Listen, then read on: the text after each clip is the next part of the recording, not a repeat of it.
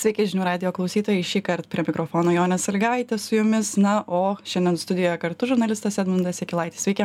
Labą dieną. Kai kviečiau į tą studiją atvykti, tai paminėjau tą įtakingiausių jų sąrašą, jūs nominuojamas jau pirmoji vietoje eilę metų. Ką reiškia būti įtakingiausiu žurnalistu, jūs tik šmaikščiai sureagavot prieš laidą, sakėt, gal čia neverta net to aptarinėti, bet ar kažką reiškia? Ne, ne, ne, man asmeniškai e, nemanau, kad kažką reikštų.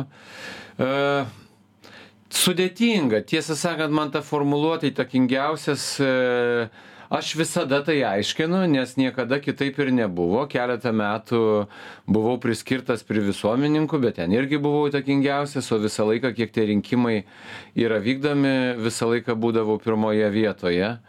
Bet aš tai tą aiškinu labai paprastai žinomumu, nes e, dirbu televizijoje daugybę metų, jau turbūt kiek, daugiau nei 25 metus ir e, žinomumas turbūt yra tas raktas, e, kuo aš galiu paaiškinti tą e, reitingavimą. Tiesiog žmonės tave žino. Ir kai tavo pavardė yra anketose, jie ją nurodo. Vat ir tiek mano kolegos rytais mėgsta po šitų pasirodžiusių apklausų su klausytojais apie tai pasikalbėt ir aišku duok tiktai žmogui ant kokio kito žmogaus pavaryti liaudiškai tariant tai jau ten gali visko išgirsti. Taip net neabejoju. Ir pagrindinis klausimas visą laiką elito balsas elito balsas kas tas elitas? Ir žmonės niekaip nesugeba atsakyt gal jūs tiek pradirbę žiniasklaidoj žinot kas ten ką išrenka. Aš tikrai žinau kaip yra tai renkama. Aš pats e, sąmoningai niekada nesu dalyvavęs tame balsavime. Visada gaunu prašymą prašymą e, užpildyti anketą, niekada nesu jos pildęs. Bet, e, na, iš aprašymo žinau, kad ten balsuoja politikai, balsuoja verslininkai žymesni, balsuoja valstybės tarnautojai, balsuoja sporto bendruomenės atstovai, kultūrininkai, visuomenininkai tai čia turbūt žurnalo reitingai reiktų klausti kokie kokiais principais jie parenka tuos žmones bet aš e, įsivaizduoju kad tas na paveikslas tos e, mm, sakykim taip sprendimų priėmėjų ar žmonių kurie daro kažkokį vienokį ar kitokį poveikį savo veikla tai taip aš aišku kad darau tam tikrą poveikį e, žmonės e, žiūri laidas e, žmonės pažiūrėję laidą turbūt vieną ar kitą procesą pradeda vertinti vienaip ar kitaip, tai tikrai daro poveikį, bet tai yra visiškai natūralus dalykas. Poveikio darimas tikrai nėra mano tikslas, bet tai yra, na, kaip šalutinis efektas. E, ir tai yra akivaizdu, visa žiniasklaida daro tam tikrą poveikį, visi žurnalistai daro tam tikrą poveikį, mes dabar kalbėdami turbūt darome tam tikrą poveikį. Paklausę šią laidą, gal žmonės galvos vienaip apie mane, ar apie jūs, ar apie ar vien, gerai ar blogai, bet, e, na, tai yra elementaru, taip veikia žiniasklaida dvidešim penkerius metus paminėjot kad jau daugiau negu dvidešim penkerius sukatės žiniasklaidoj sukatės netoli politinės virtuvės. Faktas kad veikiausiai politikus tikrai ne po kartą tenka kalbint prasisuka dešimtmečiai. Žinoma. Kai kurie tie patys politikai kartais net kartos politikų pasikeičia sūnūs ateina politikų ir panašiai. Bet įdomu ar yra tokių atvejų kad uždavėt nepatogų klausimą laiku ir vietoj ir turit tokius na asmeniškumus iš kažkokių žmonių kurie vėliau jau atsisako ateit į laidas ir galbūt prasisuka penkeri dešimt metų bet vis jau nebe nebeprisikviesi nes galbūt klausimas buvo per daug nepatogus. A ne aš man atrodo man pavyksta a profesinį santykį niekada nepaversti asmeniniu. Ir aš tikrai neturiu jokio asmeninio santykio į jokius a kalbinamus žmones aš net E, iš savo galvos bandau vyti tą kažkokį, kažkokią mintį, e, norą įvertinti žmogų apskritai. Ką aš galvoju apie jūs kaip apie individą?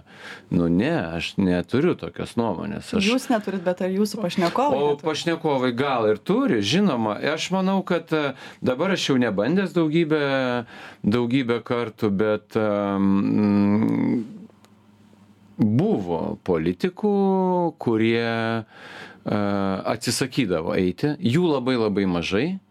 Uh, galėčiau taip jau labai aiškiai prisiminti, gal kokį vieną tiesą sakant, e, kuris po tam tikrų įvykių jau nebenorėjo eiti pas mane į laidą, nors aš esu kvietęs kartą du. Atskleisit kas? Taip, Ramūnas Karbauskis.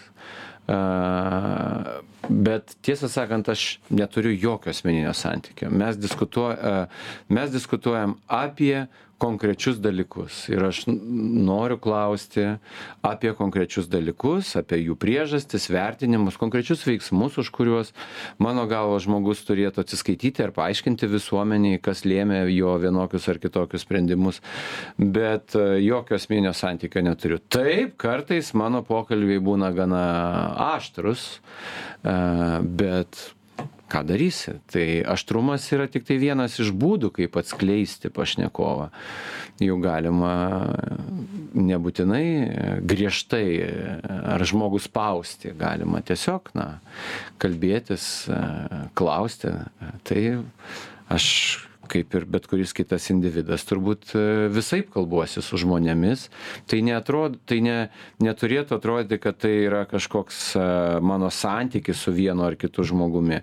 Aš tiesiog na pokalbis irgi yra tam tikra dramaturgija, tu renkiesi tam tikrą santykį į asmenį, kaip tu norėtum geriau, geriau, jį, geriau jį atskleisti. Tai kartais tie pokalbiai būna aštresni, kartais švelnesni, bet tai niekaip nesusiję nei su asmeniniu santykiu, nei su simpatijom.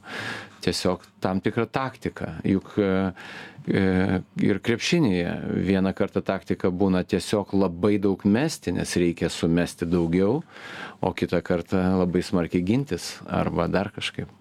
Tuos aštrius pokalbius e, paminėjot. Hartokai, turbūt jūs čia toks vienas iš žymiausių Lietuvos hartokerių, e, bet kalbant apie tai, kas vyksta, kai išsijungia kameros, iš tiesų jūs pastebit, kad politikai sugeba atskirti darbą ir savo kaip na, žmogaus asmenybę nuo jūsų klausimų? Aš sugebu, ir aš iškart pereinu į žmonių bendravimo santykį su savo pašnekovais.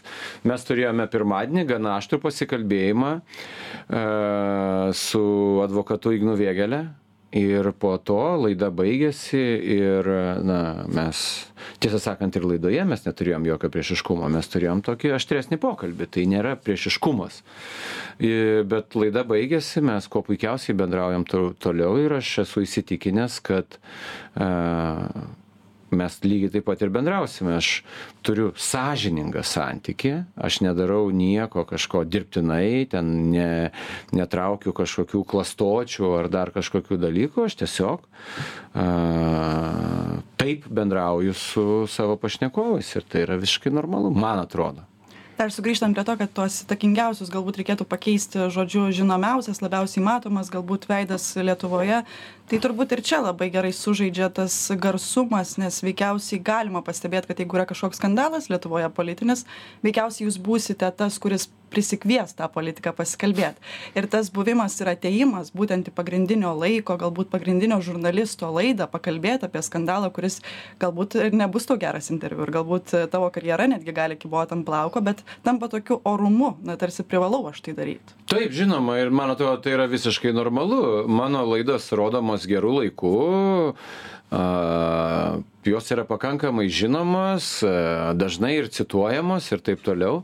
Tai tikrai žmonėms, kas tai bebūtų, ar tarnautojai, ar pareigūnai, ar politikai, ar kažkokie veikėjai, man atrodo, reikia eiti kalbėti į laidas. Aišku, tai nėra savaime suprantama, visur yra daugybė pastangų prisikviesti žmonės ir taip toliau, ir, ir visa kita, ir juos įtikinti. Bet, man atrodo, kad taip, kaip jūs ir sakėt, dažnai žmonės ateina vien dėl to, kad na, atėjęs į laidą pas mane, tu gali atsakyti į nepatogius klausimus ir atsakęs į, sakykime, daugiau ar mažiau, ar net visus nepatogius klausimus, tu jautiesi, na, atsakęs ir visuomeniai tuo pat metu. Trumpą pertrauką padarom, tai pratęsim. Tęsiame pokalbį su žurnalistu edmundu jakilaičiu. Prieš pertrauką čia paminėjot apie tai apie savo praėjusią laidą su ignu vėgėle kad išsijungus kameroms ir mikrofonams viskas labai gražu ir ir smagu. Bet vis prabylam apie tą besikeičiančią politinę kultūrą. Ne tik lietuvoje galbūt ir visame pasaulyje kad skandalais ir vienais straipsniais arba vienais interviu neišversi kokio politiko iš posto nesugadinsi kažkam karjeros. Kad politikai dabar jau suprato kad na jie nėra tokie jau priklausomi nuo tos žiniasklaidos ir gali čia arba apsitverti tverti tylos sieną vis tiek turės savo kokį rinkėją kuris jį vis tiek palaikys. Ir nuo visuomenės tos pačios dalies gali atsi apsitverti nes na yra burbulai ir tavo burbulas vis tiek tave palaikys. Yra iš tiesų tas dalykas kad ta politinė kultūra na žemėja blogėja ar nepastebit to? Čia du dalykai. Politinė kultūra ir tai kiek politikai gali ignoruoti viešą erdvę. E, ir čia e, kalbant apie partinius politikus yra dvi galimybės. Patys politikai pirma turi apsispręsti kokie kokie jie yra. Ar jie yra tie politikai, kurie aštrina pozicijas ir tampa labai gerai matomi savo partijos rinkėjų kontekste, kitaip tariant, jie taps politikais, kurie niekada nebus išrinkti vienmandatėje apygardoje, bet dėl tam tikro žinomumo ar matomumo uh, savo tikslinių rinkėjų tarpe, jie visada gaus daug pirmumo balsų savo sąraše tai čia yra du keliai. Ar tu esi politikas kuris nori laimėti vienmandatę apygardą jau nekalbu ten apie prezidento rinkimus ar dar dar kažkokius rinkimus mero kur yra renkama tiesiogiai ir taip toliau tu turi daugmaž apeliuoti į jei ne visą tai didžiąją dalį auditorijos nes priešingu atveju a tavęs tavęs neišrinks nes kiek bebūtų turų kiek bebūtų balsavimų paskutinis balsavimas yra penkiasdešim žmonių penkiasdešim procentų plius vienas balsas. Tai tu vadinasi tavo visa politinė veikla a tavęs negali stumti į tą nišinio politiko poziciją. Bet yra partijų i kurios greičiausiai niekada nelaimės vienmandačių arba beveik absoliuti dauguma tos partijos politikų niekada nelaimės vienmandačių bet ta partija gali perlipti penkių procentų barjerą ir gali turėti frakciją ir tokiu būdu tie politikai tiesiog nori būti matomi savo partijos rėmėjų kontekste. Tai čia politikai turi apsispręsti. Vieni gali save izoliuoti eiti tik į tikslinę auditoriją tapti vieno dviejų klausimų politikais ir to užteks jiems gauti daug pirmumo balsų su sąlyga jei ta partija pateks į parlamentą. Kiti gi kurie mano galva negali sau leisti ignoruoti viešosios erdvės kurie negali sau leisti izoliuotis ir negali sakyti eikit visi po velnių aš darau kaip darysiu kalbėkit ką nori ant manęs gali britvom lyti aš nekreipsiu dėmesio. Ne tokie politikai kurie nori būti išrinkti vienmandatėj apygardoj nori laimėti tiesioginius rinkimus kokie jie bebūtų jie turi reaguoti į viešą nuomonę ir nežiūrėti vien į a jiems pritariančius balsus. Norintys tapti merais kartais gali žiūrėt vien į jiems pritariančius balsus ar ne? Gali. Gali jeigu tų balsų labai labai daug pavyzdžiui kaune diskusijų kultūrą apskritai na paliečiant ir tai kad į laidas tenka kviestis turbūt ir naujus seimo narius ir senbuvius. Ir politikos senbuviai na dažnai atrodo tarsi iš šalies kad sugeba diskutuoti sugeba atliepti į tai ką sako ten koks nežinau jurgis razma veikiausiai sugebės gražiai diskutuot su kokiu algirdu sysu. O kaip yra su naujais seimo nariais? Jie kažkuom skiriasi? Yra kad ta politinė na diskusijų kultūra yra suprastėjus ar ne? Nemanau. Viskas yra patirties klausimas. Žmonės atėję nauji naujieji į politiką jie turi e, tam tikrų lūkesčių po to jie tampa to viso mechanizmo dalimi ir tame dideliame mechanizme jie dažniausiai yra atsakingi už gana siaurą sritį. Tie kurie gali kalbėti daugeliu temų kurie kurie buvę per karjerą įvairiose pareigose kurie atsimena kaip buvo priimami pirmieji sprendimai kaip jie keitėsi kaip kaip vystėsi valstybė kokios buvo siūlomos koncepcijos idėjos ir taip toliau. Čia net nebūtinai politikai viešieji komentatoriai ir taip toliau kurie daug metų veikia tam tikroje srityje. Kas tai bebūtų ar rimvydas valatka raimundas kuodis vienas ekonomistas kitas politikos apžvalgininkas bet ir vienas ir kitas atsimena šitą valstybę nuo pat e, jos egzistavimo pradžios devyniasdešimtųjų metų kovo vienuoliktos ir dar anksčiau. Tai vis abudu žino tą priešistorę. Tai su politikais lygiai tas pats.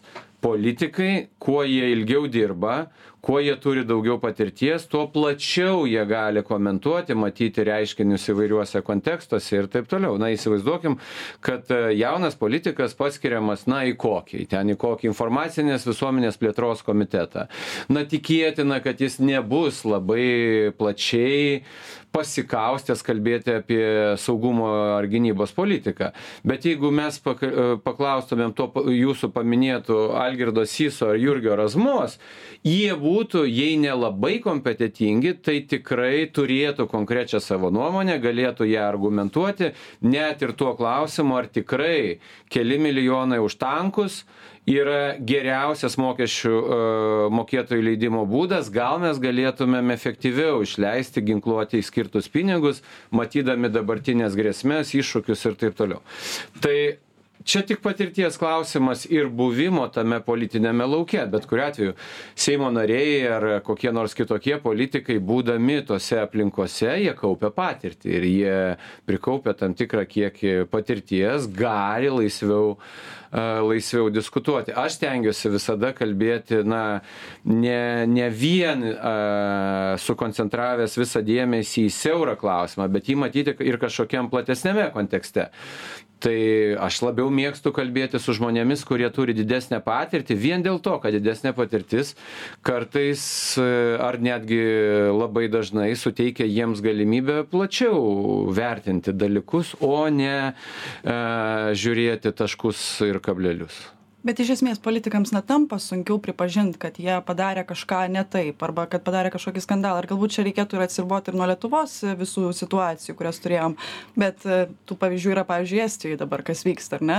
Kur kaja kalas bando išversti iš posto tiek opozicija tiek prezidentas pataria pasitraukti tiek jos partijos tam tikri atstovai pataria pasitraukt bet premjerė atsisako dėl ryšių su rusija jos vyro nesitrauks iš posto. Kaip tai paaiškint? Visuomenės apklausos aštuoniasdešim procentų vos ne irgi norėtų, kad e, premjerė pasitrauktų. Tai Aš manau, kad e, e, kalbant apie mūsų tėvynę, tai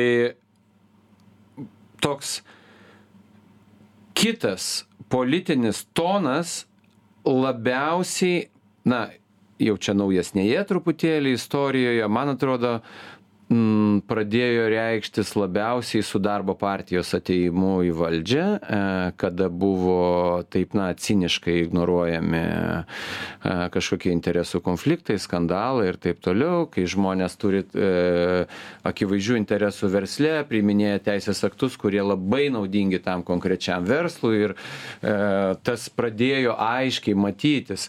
Iki tol žmonių, kurie tiesiogiai būtų susiję su kapitalu, mes politikoje daug neturėjome turėjom. Turiu omeny tą laikotarpį. Aišku, aukščiausia taryba, atkuriamasis Seimas, taip, ten buvo ir gamyklų vadovų, ir pramonininkų, nekalbant jau apie intelektualus, e, e, mokslo žmonės ir, ir visą tą kokybę, kuri buvo toje, e, toje salėje. Bet po to ilgą laiką mes turėjome tokius grin, gri, skandalus, kurie labiau yra politiniai, interesų konflikto, interesų konflikto e, tokio žemesnio ligmens skandalai ir e, sprendimai būdavo gana greiti ir efektyvūs. E, pakakdavo vyriausios tarnybinės etikos komisijos išaiškinimo ir politikas traukdavosi iš užimo pareigų. Dabar tai yra ignoruojama, nes ta devalvuojanti politinė kultūra, jinai kaip koks užkratas, jinai jinai vystėsi vystėsi vystėsi ir ir tada jau prieini prie kažkokių dalykų kuriuos mes matėm a politikoje visai neseniai kai žmonės akivaizdžiai turi didžiausius verslus visa kita ir prisiema atsakomybę už už už valstybę vadovaujandami valdančiosioms partijoms užimdami ten kažkokias keistas su jų tiesioginiam, su jų tiesioginiais interesais nesusijusių komitetų pirmininkų pareigas ir visa kita. Tai visą to mes matėm, ta devalvacija tam tikra yra, bet aš šitai žiūriu irgi kaip į tam tikrą natūralų ciklą. Man atrodo, kad ta kokybė jinai vienur yra kitur jos mažiau trečiose vietose jos išvis nėra nedaryčiau tragedijos bet nematyti to kad etikos standartai devyniasdešimt kokiais aštuntaisiais metais e, buvo aukštesni nei po dvidešim penkerių metų. Pertrauką padarom.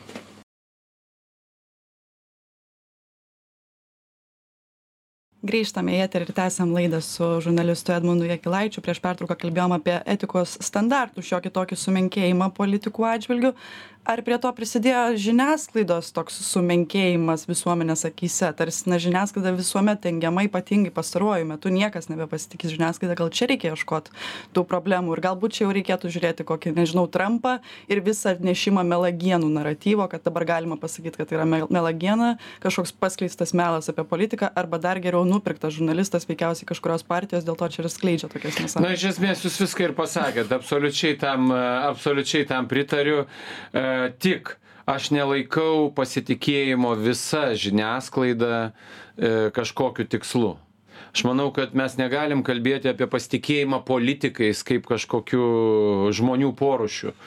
Ne, e, mes galime pasitikėti konkrečiais politikais. Tai žiniasklaidoje lygiai tas pats ir aišku išsiplėtė žiniasklaidos samprata ar ar e, Rita Miliūtė ar kažkas kitas rašantis Facebook'e yra žiniasklaida. Žinoma, kad yra. Ar Andrius Tapinas yra žiniasklaida, nors jisai na, nevykdo žurnalistinės veiklos, ar ne, bet aišku, kad jis yra žiniasklaida vien savo socialinių tinklų a, poveikio gale ar pasiekiamumo gale tai žiniasklaida taip ji tapo įvairialypė daugiaplatformė bet vis tiek svarbiausia yra turinys. Koks skirtumas kur žmonės žiūrės mūsų pokalbį ar telefone ar kompiuteryje ar apskritai dabar važiuoja automobilyje ir mūsų klauso. Tai turinys yra svarbiausia. Tai platformos formos yra viso labo technologiniai dalykai. Jeigu yra įdomu tai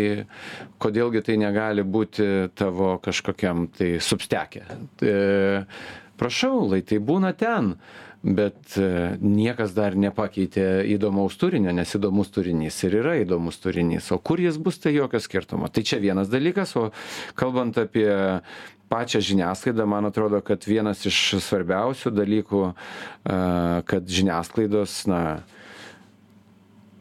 žiniasklaidos vertė yra jos įvairovėje. Kad žiniasklaida yra visokia yra kokybiška yra nekokybiška yra bulvarinė yra solidi yra patikima ir visai nepatikima. Yra nuomonės kurios yra pagrįstos yra tiesiog spjaudymasis kaltinimais. Visko yra ir ačiū dievui tai labai gerai žmonės atsirinks. Nereikia ieškoti vieno kuriuo mes aklai pasitikėtumėm. Niekam nelinkėčiau aklai pasitikėti manimi ar jumis. Ne geriausia savimi pasitikėti ir e, vartoti daug informacijos šaltinių galvot savo galva ir nebūti avinų banda. Tai vat čia yra žiniasklaidos vaidmuo o pasitikėjimas visa žiniasklaida ar visu seimu? Nukrito pasitikėjimas seimu. Tai ir gerai kad nukrito. Bet gal kai kurių politikų pakilo? Gal tame nepasitikėjimo liūne yra žmonių kuriais visuomenė yra linkusi pasitikėti vis labiau?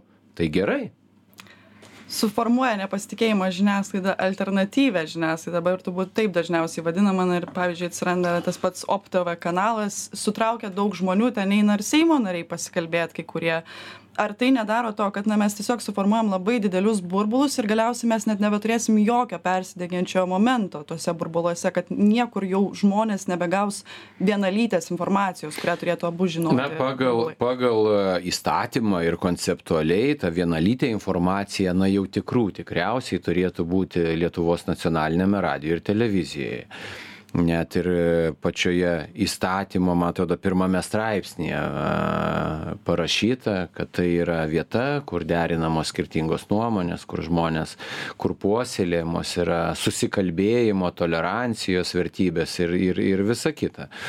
Tai man atrodo, kad jau tokia vieta tikrai yra, ar bent jau turėtų būti Lietuvos nacionalinis radijas ir televizija. Kitagi žiniasklaida, na, ji yra absoliučiai e, laisva ir nuo a, visuomenės, e, nuo valstybės mokesčių mokėtojų pinigų, tarsi neturi tam tikro įstatymo įpareigojimo vienaip ar kitaip elgtis. Jeigu staiga žiniasklaidos priemonė nutarė, kad ji yra, kad jie atstovauja šeimų maršo ideologiją, kas jį gali tą uždrausti? Ji atstovauja.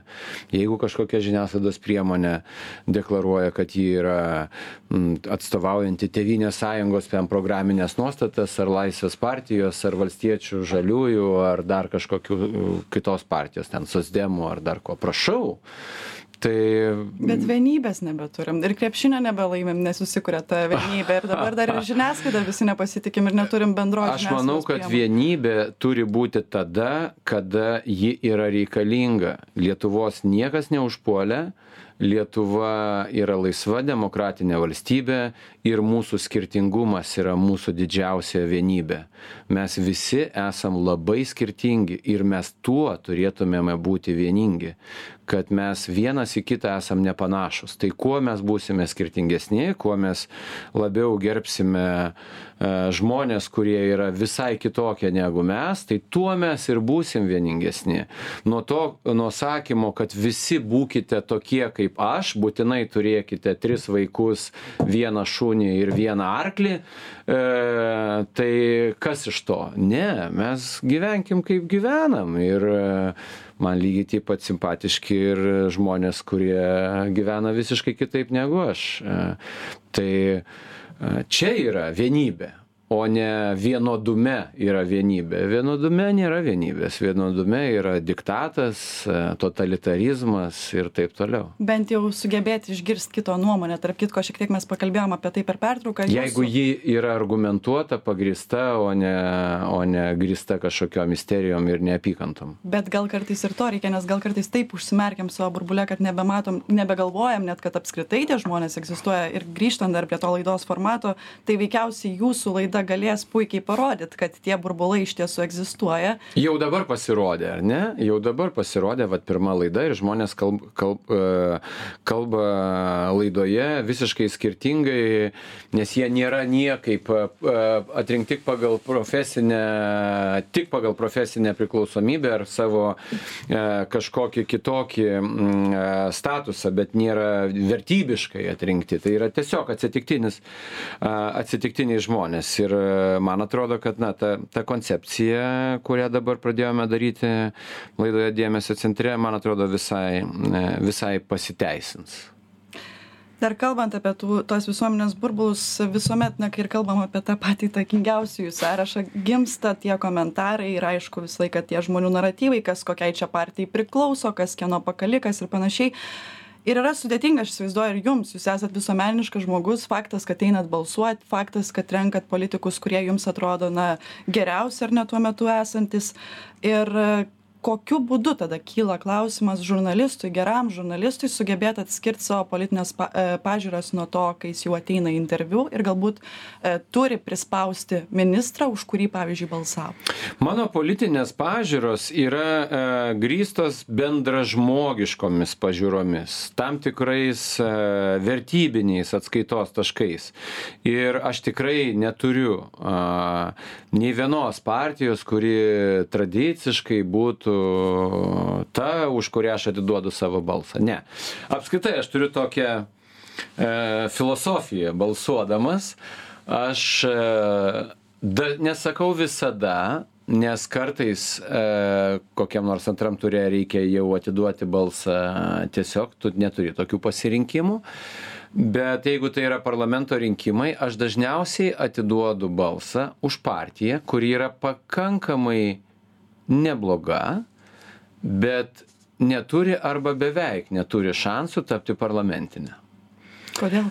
Aš jaučiuosi tuomet e, visiškai laisvas prieš save, o tas mano prapuolantis balsas, jisai realiai nes mano balsas devyniais atvejais iš dešimties prapuola, nes ta partija nepatenka į parlamentą, e, bet jis įsilieja į bendrą valstybės, e, jis pasidalina proporcingai tarp visų žmonių, kaip jie balsavo tose rinkimuose, tai aš irgi tame nematau tragedijos, nes tai tampa tiesiog e, vidurkiu visų e, rinkimų vidurkiu.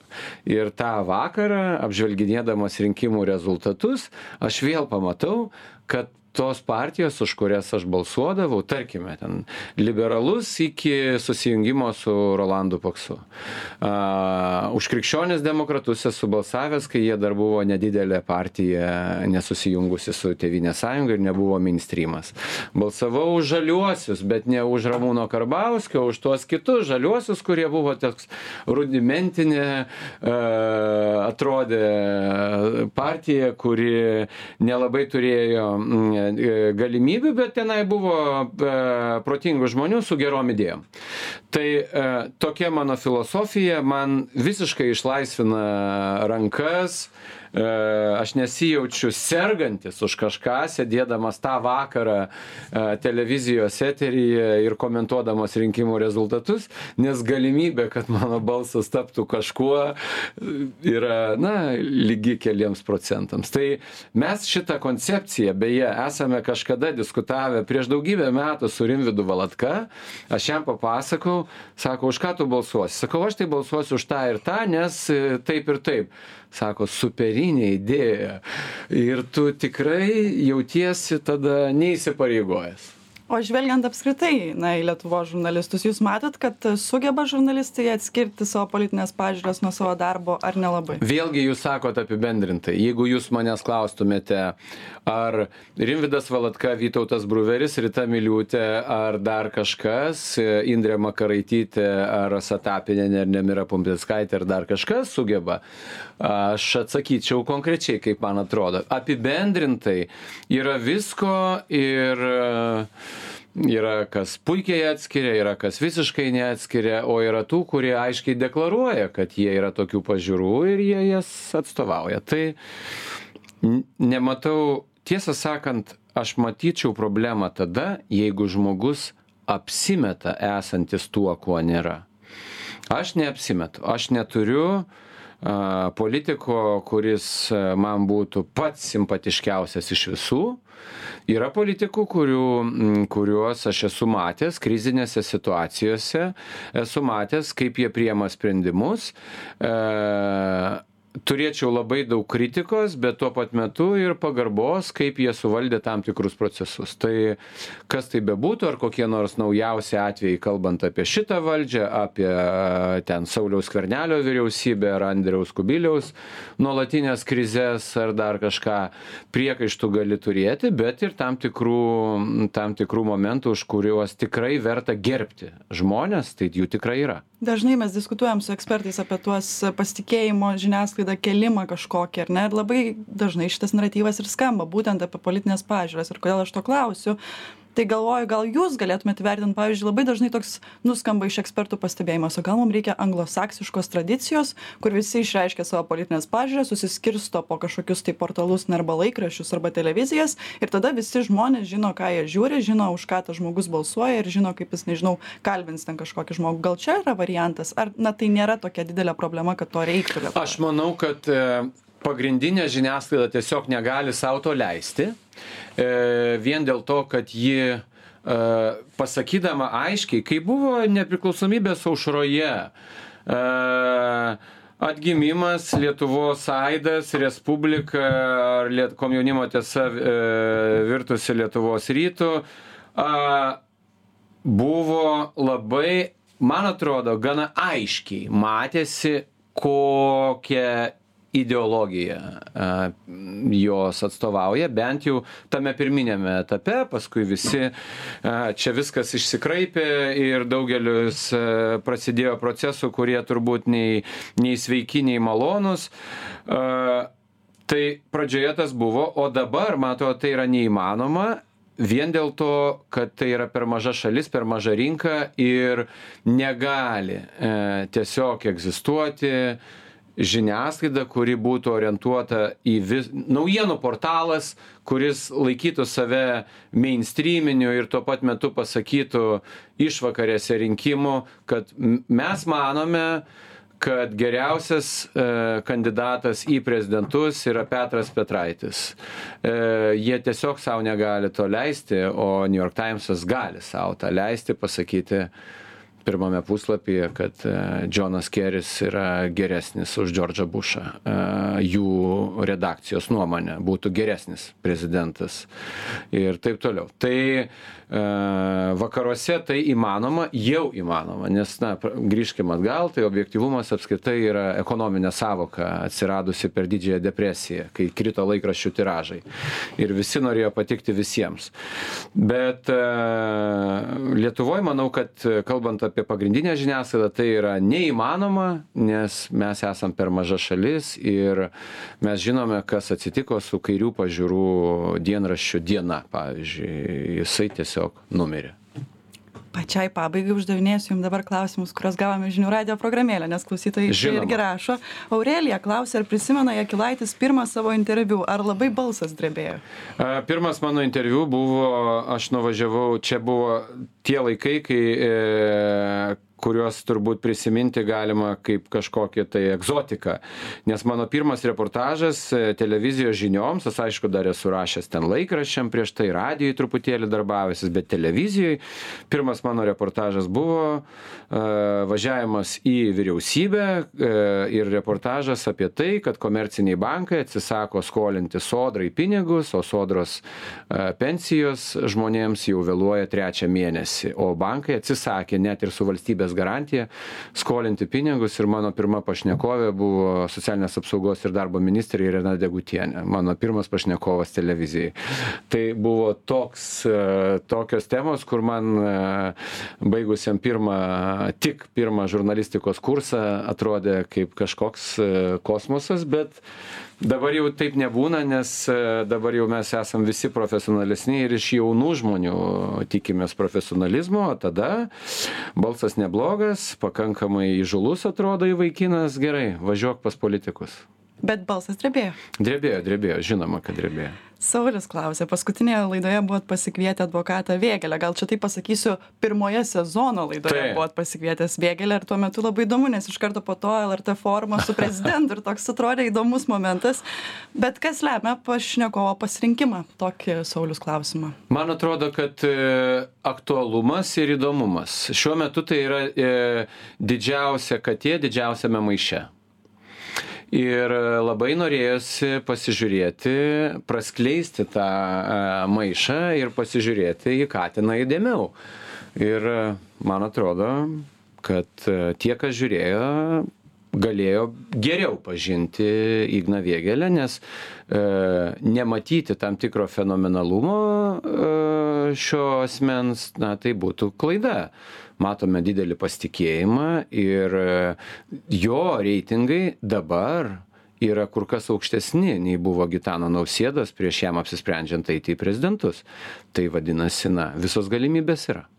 Kalbinot Vėgelę, kalbinot ir prezidentą daug kartų. Žinoma debatai kokie kaip jūs manot būtų su šitais dviem žmonėmis aš manau kad bus e, ar būtų tikrai turiningi įdomūs debatai. E, rinkimai artėja aš pats galvoju apie debatų formatus ir visa kita. Aišku kartelė yra užkelta nes kalbant apie prezidento rinkimus man atrodo kad mūsų pastarojo pas paskutiniai debatai daukanto aikštėje e, tarp ingridos šimonytės ir ir gitano nausėdos aikštėje susirinkus keliems tūkstančiams žmonių na buvo tokia jau sakykim nauja žanro klasika tai nežinau kaip tai pavyks pagerinti ar pakeisti bet na stengtis reikia. Daug taškų bus, kurie galės pasiginčyti, kaip Jūs manot? Manau, kad daugybė. Ir dar vieną čia bando įtraukti Tadas buvusią prezidentę į klausimus, ar kviesti į savo laidą padiskutuoti Grybauskaitę. Aš esu kvietęs ji privengia bet mes matom kaip ji branginasi e, dalindama interviu. Tai nėra dažnas įvykis manau kad tikrai bus progų ypač labiau politizuojantis e, tam politiniam sezonui. Na ir dar aišku vis dar išlieka hipotetinė galimybė kad ji pati galėtų dalyvauti prezidento rinkimuose ji yra pasakiusi kad nesieja sa e, savęs toliau su politine karjera lietuvoje ar dar kažkaip kaip jin ten suformulavo dabar tiksliai nepasakysiu bet žinot na nuomonės nekeičia tiktai kvailiai keičiasi situacija keičiasi ir nuomonės e, žmonės prisitaiko prie tam tikrų aplinkybių ir tuo metu atrodė vienaip o esant kažkokiai situacijai gali būt atrodyt kitaip ir jeigu ji pasakytų taip ji tam turi daugiausiai laiko iš visų ji gali tą pasakyti pačią paskutinę dieną. Ji yra politikas kuriai nereikia daryti jokios rinkimų kampanijos. Ji tiesiog ateina į daukanto rūmus arba į antrą turą. Ne net galėtų net netarti nei žodžio. Ir to užtektų kad ji būtų antrajame ture. O dėl pergalės tai jau tada reikėtų pasistengt bet debatai būtų dar įdomesni. Debatai būtų dar įdomesni ačiū jums labai kad šiandien atvykot. Kalbėjomės su žurnalistu edmundu jakilaičiu. Šią laidą vedžiau aš jonė salygaitė jums klausytojai sakau iki kitų kartų